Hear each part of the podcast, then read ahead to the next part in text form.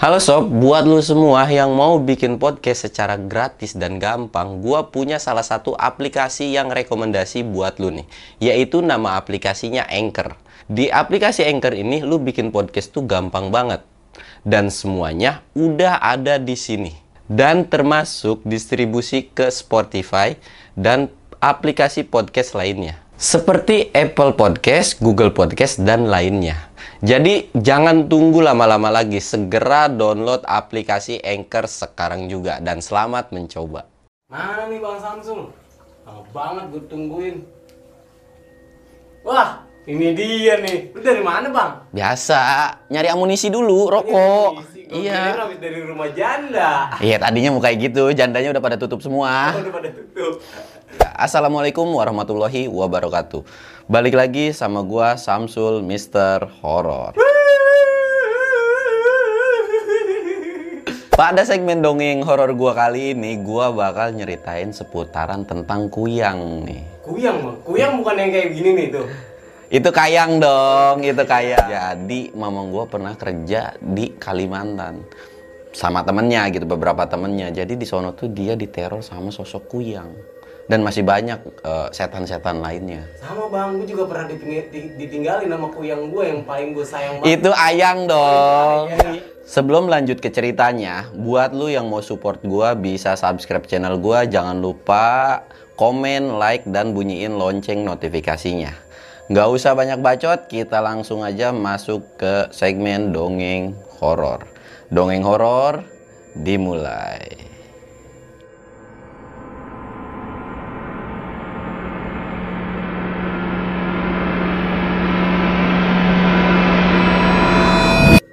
Sebelum mulai dongeng horor biasa, ritual dulu.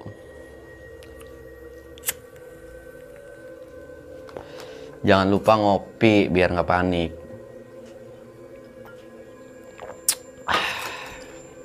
Awal mula cerita ini tuh di tahun 90-an. Ketika mamang gue dapet kerjaan dari salah satu bosnya nih. Jadi bosnya tuh eh, datang ke rumah, nyuruh mamang gua cari tim buat kerja di Kalimantan. Yang bikin bingungnya itu siapa yang mau kerja di Kalimantan tahun segituan kan? Daerah kampungnya aja udah masih banyak hutannya masih lebat-lebat gitu. Apalagi di daerah Kalimantan. Ditanya dong, butuh berapa orang bos? Ya bu- perlunya sih banyak kalau memang ada, tapi ya sedapatnya aja. Karena si bosnya ini juga tahu, nggak mungkin banyak orang yang minat untuk ke Kalimantan di tahun segitu. Udah kayak gitu, bosnya udah ngobrol panjang lebar, diceritain mulai dari gaji dan lain-lain gitu kan, udah diceritain semua sama bosnya. Bosnya tuh pulang lah, dikasih waktu tempo satu minggu lebih kata mamang gua tuh. Oh iya, kita panggil aja mamang gue itu dengan sebutan Aep ya, Mang Aep. Nah, Aep lalu nyari nih, nyari orang. Nyari orang kan. Tiap rumah diketok-ketokin, Assalamualaikum gitu kan. Ya karena memang nyari orang untuk kerja ke Kalimantan itu susah. Akhirnya mamang gua ngumpulinnya sekitar mungkin 10 sampai 12 orang pada saat itu. Dikumpulin tujuan dan maksudnya gitu kan. Diceritain nih, eh gue dapat proyek nih dari salah satu bos. Dia ngebiayain masalah ongkos dan lain-lain, makan ditanggung dan lain-lain. Pokoknya semua aman. Ada yang mau ikut nggak? Dari situ semuanya nyaut. Ya gue ikut semua dari 12 orang itu. Ya udah gue ikut, ikut, ikut. Mendadak kata mama gue, tapi kerjanya di Kalimantan. Langsung pada diem sunyi. Set. Pada sunyi kan. Nggak ada yang nyaut masalah mau ikut dan lain-lain. Kata mamang gua nih, kata Aep. Ya elah kan, baru kayak gua ngomong. Masa iya lu lemah nyebut denger nama Kalimantan? Tiba-tiba ada salah satu yang nyeletuk. Bukan masalah lemah ke Kalimantan. Satu jauh. Kedua, ya kita kan pendatang ke sono nggak tahu ada ancaman apa aja mulai dari hewan buas dan lain-lainnya. Apalagi Kalimantan terkenal dengan ya hutannya yang begitu eh, lebat gitu kan udah pasti satwa dan satwanya tuh banyak banget gitu. Mereka tuh takut karena ada beberapa pengalaman, ada beberapa orang yang udah pernah ke sana ngikutin proyek kayak proyek bangunan kayak gitu tuh, pulang-pulang pada sakit DBD, malaria, Mama gue langsung nembal. Ya itu mah tergantung dari lu nya aja. Kalau lu safety dan aman, gak bakalan. Kok yang penting lu bersih deh, jangan jorok. Biar kata kerja bangunan, ki kalau misalkan jorok mah ya tetap aja penyakit mah banyak, gitu kan. Dari situ, ya udah. Jadi ada yang mau ikut nggak? Semua. Kalau memang gak ada ikut, bubar dari sini, pulang. Nggak usah ngikut di sini. Satu persatu dari mereka pulang, pulang, pulang. Nemulah dua orang yang masih standby. Kita panggil aja Dadang sama Dudung. Si Dadang Dudung ini tuh masih belum ditanya nih. Masih belum ditanya sama Aib. Masih duit. Aib tuh masih diem. Memang gue masih diem, masih ngerokok. Nggak ditanya dulu. Udah beberapa menit, ternyata si dua orang ini masih standby gitu, masih duduk. Lu yakin, Dang? Mau ikut? Yakin? Dudung? Yakin lah orang gue butuh duit kan naik apa ke sananya tuh sama lu. Jadi ya nggak perlu khawatir lah santai lah dia bilang. Ya udah kita berangkat. Coba lu kabarin beberapa orang siapa tahu ada yang minat gitu kan. Lu kabarin temen atau ya temen yang lu tahu kalau mau ada yang ikut kabarin gua aja. Nanti kita berangkat bareng. Ya udah dari situ setelah pertemuan itu pulang tuh bubar. Beberapa hari dari pertemuan itu mereka bertiga kumpul lagi. Mereka bertiga kumpul lagi di rumah Aep kumpul lagi di rumah Aep ya ngomongin seputaran nanti ketika ada di sana. Aib cuman pesen gini doang. Itu kampung orang. Kita jaga etika aja. Selama kita nggak macem-macem, ya kita juga nggak bakal diganggu. Dan kata Aib juga, ya namanya hewan itu udah ada. Kebenaran Dadang sama Dudung ini eh, bisa dibilang gengannya uh, Aib ini, mamang gue ini kan. Jadi udah tau lah orangnya kayak gimana dan sering naik gunung dan lain-lain kan. Jadi ya udah kita udah safety kita udah punya pengalaman dan lain-lain kita tahu triknya. Cuman perbedaannya kita sekarang cari duit kerja bangunan kayak seperti buka jalur kata kata Aib tuh kayak gitu. Oke yang penting lu sholat jangan tinggalin kata Aib tuh. Kalau lu sholat ditinggalin awas lu di sana jangan macem-macem. Itu kampung orang kita nggak bisa ngapa-ngapain kata Aib. Ya udah iya. Terus ditanya lagi gimana? Ada teman nggak yang mau ikut atau saudara atau siapa gitu. Nggak ada pada minder semua katanya. Malah ditakut-takutin gue sama temen gue hati-hati katanya ada kuyang di sana banyak kuyang. Ya, lah namanya setan mah sama aja gitu-gitu juga kata Aib tuh kan. Akhirnya setelah obrolan itu nunggulah tinggal keberangkatan.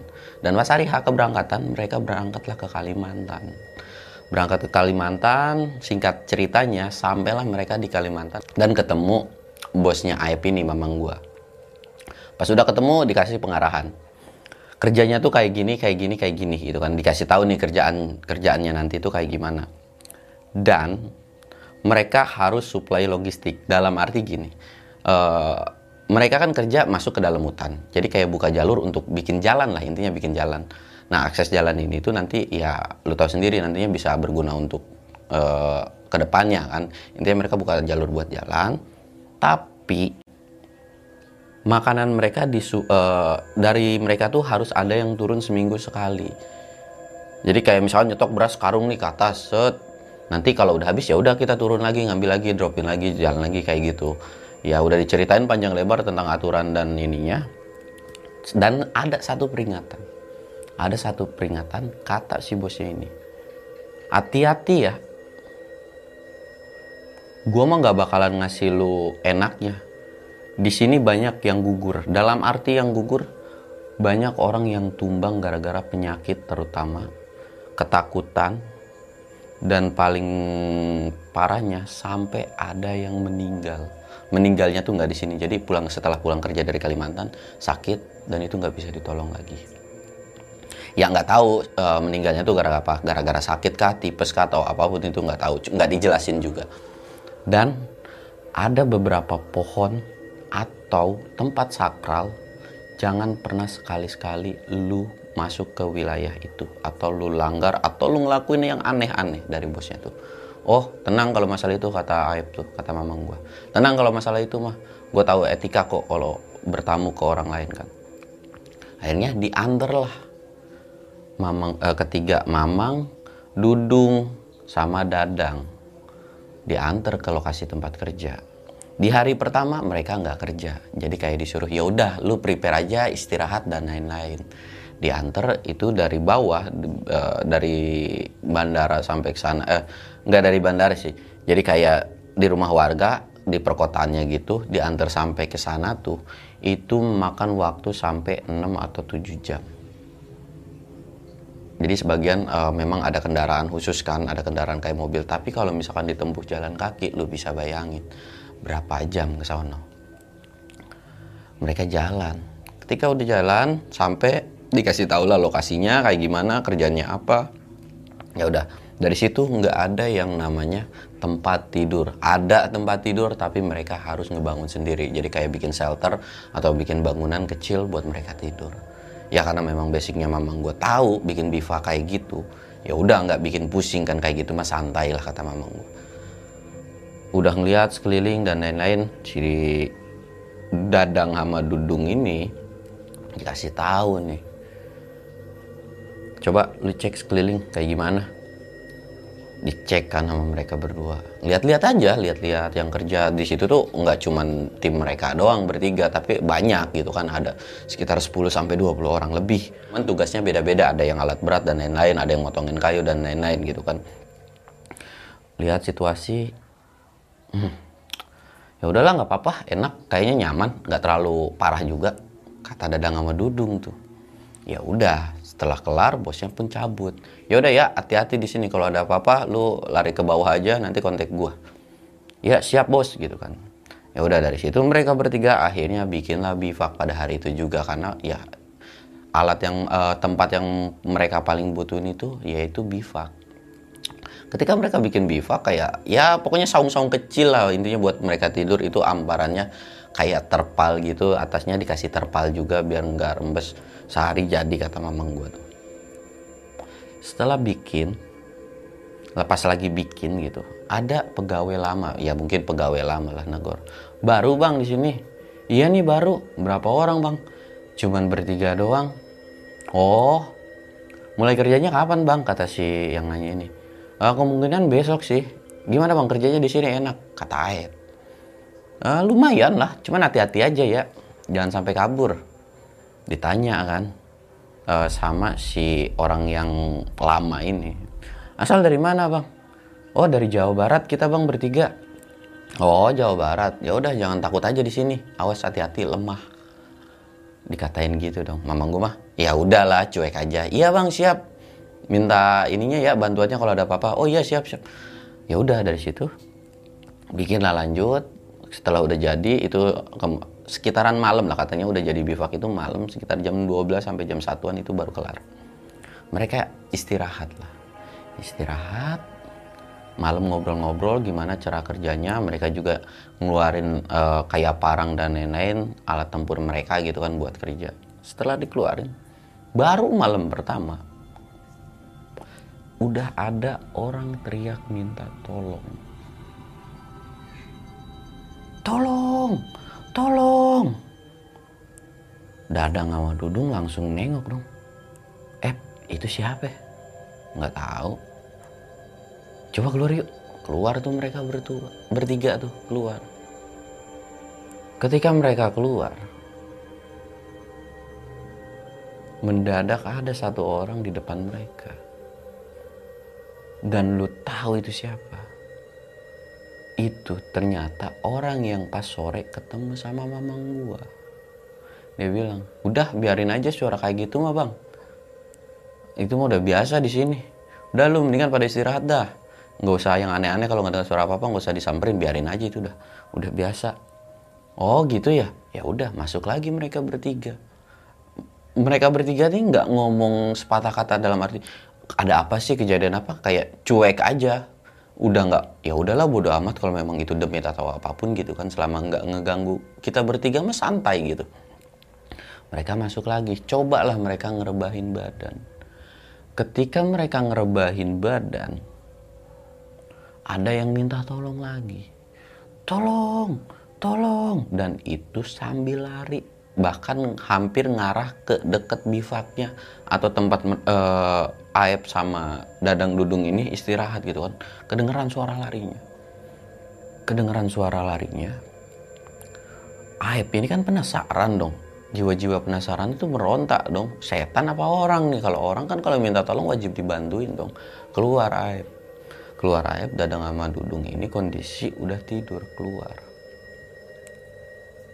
Pas diperhatiin ke arah sumber suara yang minta tolong aib tuh kayak orang kayaknya itu deh diem aja dan lama kelamaan beneran si orang lari itu nggak apa nyamperin si Aib ini, si mamang gue ini kan nyamperin. Ketika udah sampai dan lu tahu apa yang terjadi, badannya itu kayak gatel-gatel, bentol-bentol. Intinya tuh ya kayak gatel aja sih kayak kena ulet bulu atau apa gitu merah-merah. Karena saking gatelnya mungkin digaruk terus dan itu sampai lecet. Sampai lecet. Mau gue aneh dong lihat bang dateng kan udah sampai. Tolongin gue bang. Badan gue pada gatel pada gatel. Dilihat kan. Mamang gue kan juga nggak tahu apa-apa. Aep ini nggak tahu apa-apa. Tiba-tiba gatel itu kan sebabnya apa? Diem aja karena bingung akhirnya mamang gue ini udah bang lu istirahat lu istirahat lu diem. Lu kalau bisa lu tahan. Mamang gue bikin perapian kayak api unggun karena kan kalau gatel itu sedikit dengan panas itu lumayan agak membaik kan. Udah bang bikin perapian.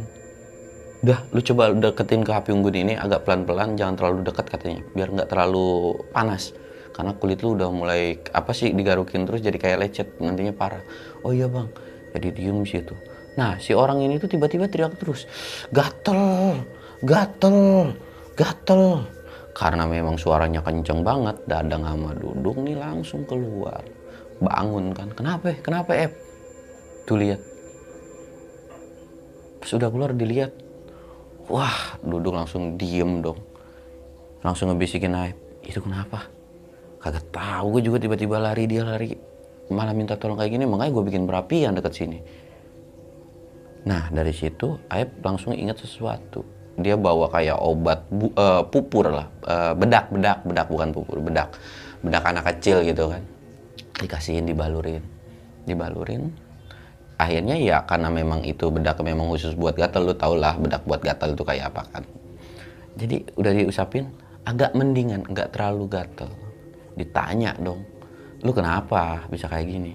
Gak tahu, tiba-tiba setelah gue bangun tidur, uh, badan gue pada gatal dan beberapa temen gue juga kayaknya ngalamin yang sama cuman mereka nggak terlalu parah. Kok bisa? Penasaran dong. Mamang gue ini berangkat. Emang di mana sih tempat lu pada tidur? Di sono.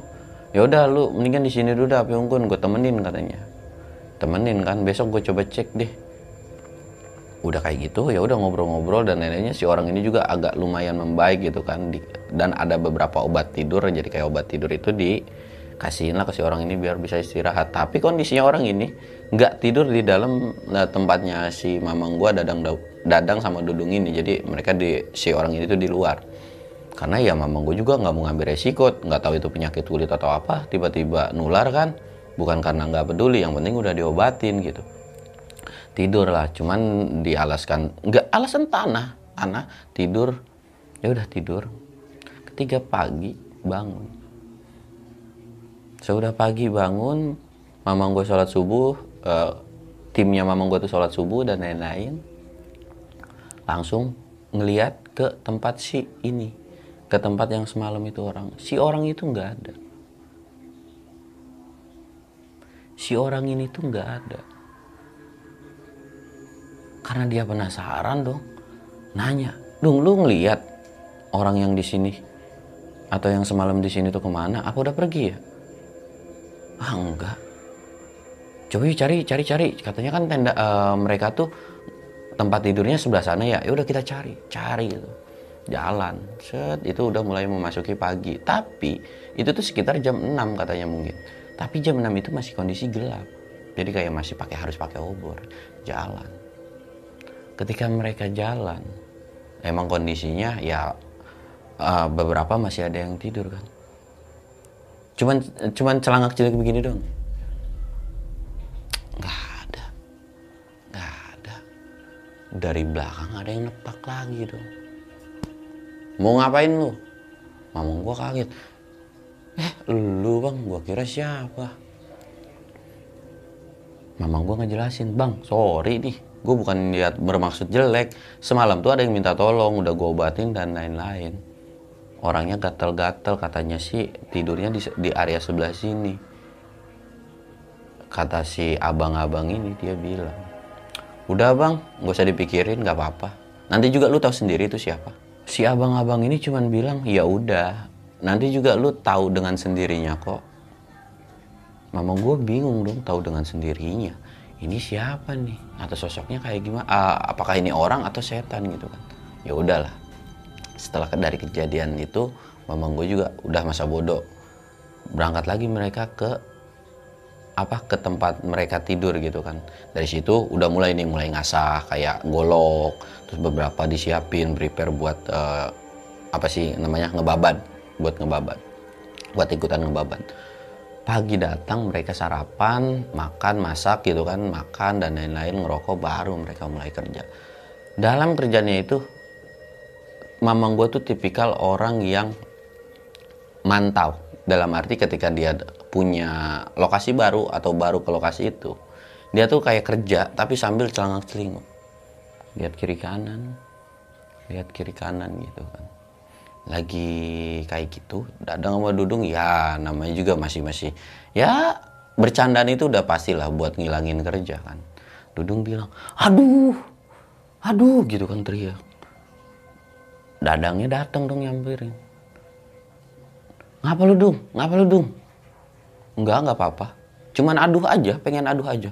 Dari situ ya pada kesel. Akhirnya ya karena kesel juga dan emang itu bercandaan ya udah ketawa-ketawa lagi. Cuman Aib ini bilang lu jangan bercanda kayak gitu lu ntar tiba-tiba beneran kata Aib tuh kan. Ya lah bercanda begitu doang kata Dudung tuh. Ya maafin maafin. Ya udah nggak gitu lagi. Lagi terus ngebabat ambil sebat gitu ambil istirahat. Di depannya muncul ular. Dudung panik kan. Eh ular ular ular. Ular. Dadang lihat tuh mana ularnya? Itu depan depan Mamang uh, Aep itu masih nyabetin aja nih, masih nyabetin ini aja rumput gitu kan, sama kayu-kayu kecil. Terus ah nggak ada, udah terusin aja. Pas dicek lagi, ternyata memang beneran nggak ada. Itu beneran nggak ada. Ya udah dong mereka kerja lagi sampai akhirnya masuk jam makan siang. Mereka masuk jam makan siang, mereka makan. Mereka makan, mereka lanjutin kerja terus sampai sore dan itu nggak terjadi apa pun. Setelah udah ter, uh, datang sore gitu kan mereka mandi beres-beres ya udah ngobrol ngopi nyantai datang lagi malam.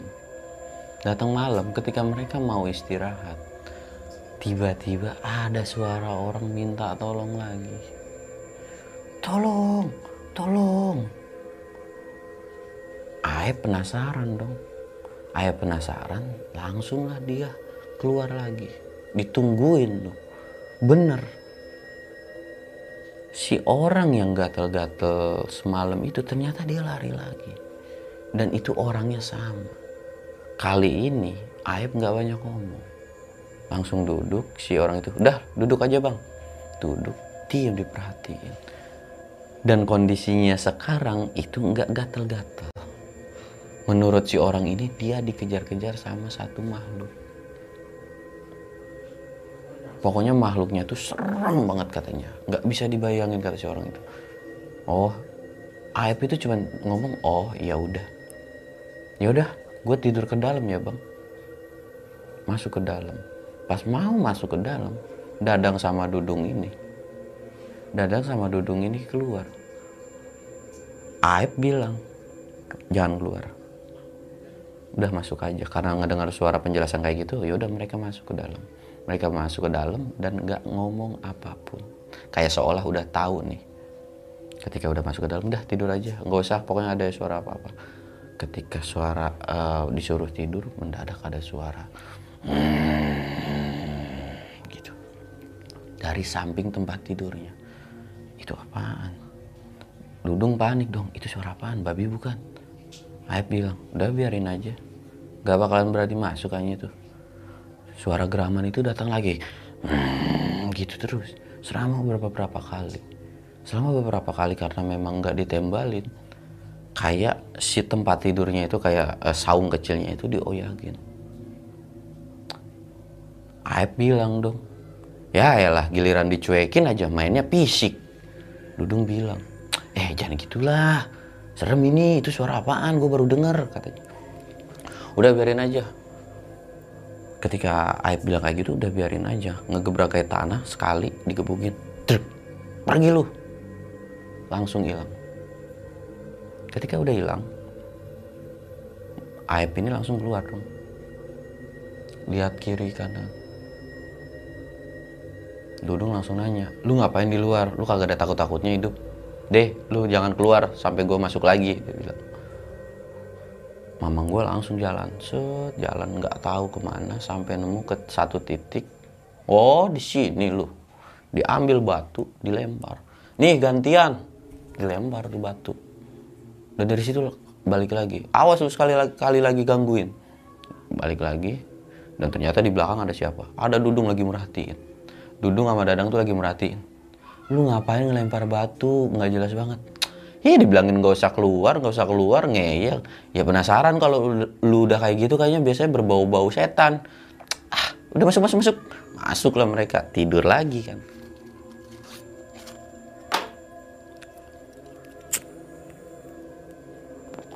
Mereka tidur terus. Setelah mereka tidur bangun pagi ya terus ngelakuin kerjaan sampai akhirnya setelah satu minggu Selama satu minggu ini mereka sering ngalamin namanya kejadian kayak ngedengar suara dan paling terparahnya itu ya pada saat itu. Pada saat uh, ada sosok penampakan yang menyerupai orang dan belum ada kejelasan dari pegawai-pegawai lainnya nih. Belum ada yang ngejelasin kayak mereka tuh kayak nggak mau ngejelasin aja. Mungkin ya karena biar nggak takut atau biar betah kerjanya kan. Sudah uh, seminggu terlewati, logistik udah mulai habis jadi harus ada orang yang turun ke bawah. Ya beberapa orang kan. Lalu dipilihlah tim mamang gue ini bertiga nih. Mereka turun ke bawah. Ketika mereka turun ke bawah ya memang nggak ada apa-apa. Karena mereka juga berharap bisa turun ke bawah itu sekalian santai. Ternyata ketika turun ke bawah itu bukan santai justru capek banget karena memang udah disediain kendaraan kan? Disediain kendaraan ngangkutin barang logistik dan lain-lain masuk ke dalam kayak mobil mobil apa sih? Kalau mamang gue bilang sih mobil keong karena pernya kayak keong.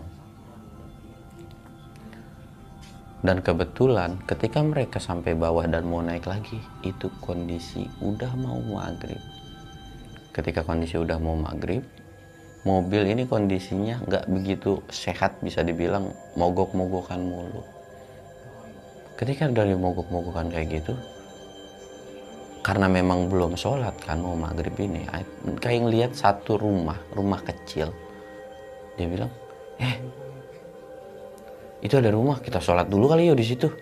Ya udah berangkatlah mereka tuh ke rumah yang si kelihatan ini.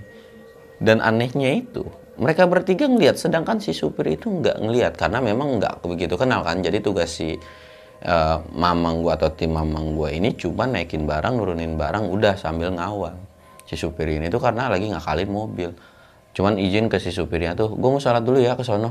Ya udah gitu doang. Jalan mereka. Jalan ke rumah itu ngucap salam lah. Assalamualaikum. Tiba-tiba dari dalam rumah itu ada yang ngebukain pintu oh masuk. Mamang gua apa? Bingung dong. Pelengap pelengok ketemennya tuh kayak sama dua dong dudung tuh pelengap pelengok dan si ketiganya itu kayak bengong. Gitu bengong aja. Karena apa? Bahasanya kagak ngerti. Ngobrol tuh ngomong tuh panjang lebar si orang itu kagak ngerti bahasanya aduh gimana ya? Pakai bahasa isyarat lah. Begini mama cuman begini doang. Tiba-tiba si orang itu ngangguk oh iya iya iya. Masuk mereka. Ketika masuk disuguhin lah minuman dan lain-lain. Ada makanan ada minuman. Tapi ketika mau berdiri kayak kan duduk nih bertamu ke rumah orang kan pasti duduk duduk dulu buat menghormati kan disuguhin ketika mau ngambil wudhu atau ngambil air seolah dia tuh mereka bertiga nggak bisa bangun. Nggak bisa bangun buat berdiri begini kan? Pokoknya duduk aja. Aib langsung nih aku duduk. Lu nggak bisa bangun ya? Iya. Salah masuk rumah kita katanya. Hah? Salah masuk rumah siapa? Udah biarin aja tungguin lima menit. Ditungguin tuh lima menit. Lalu si orang ini tuh keluar dan ketika keluar mukanya berubah jadi pucat. Lu lihat nemu ke orang mana jadi pucat. Jangan ada yang diminum jangan ada yang dimakan kata mamang gua tuh. Lah itu apaan? Iya kok pucat? Kok jadi serem makin ke sini lu baca dah istighfar tiga kali aja tutup mata terus lu lihat lagi. Apa yang diperintahin beneran diturutin. Ketika tutup mata dibuka lagi. Kaget dong. Mendadak itu muka si orang langsung berubah pucat pucat pucat sampai akhirnya nyeringai. Sampai akhirnya nyeringai dan ketawa. Selamat makan. Dari situ langsung dada mau duduk langsung merinding tapi mau bangun kondisinya nggak bisa. Kondisinya tuh benar-benar nggak bisa bangun. Aib udah tahu nih kondisinya udah mulai ketar-ketir kan. Digebrak lagi tuh. Bismillahirrohmanirrohim langsung bisa duduk bangun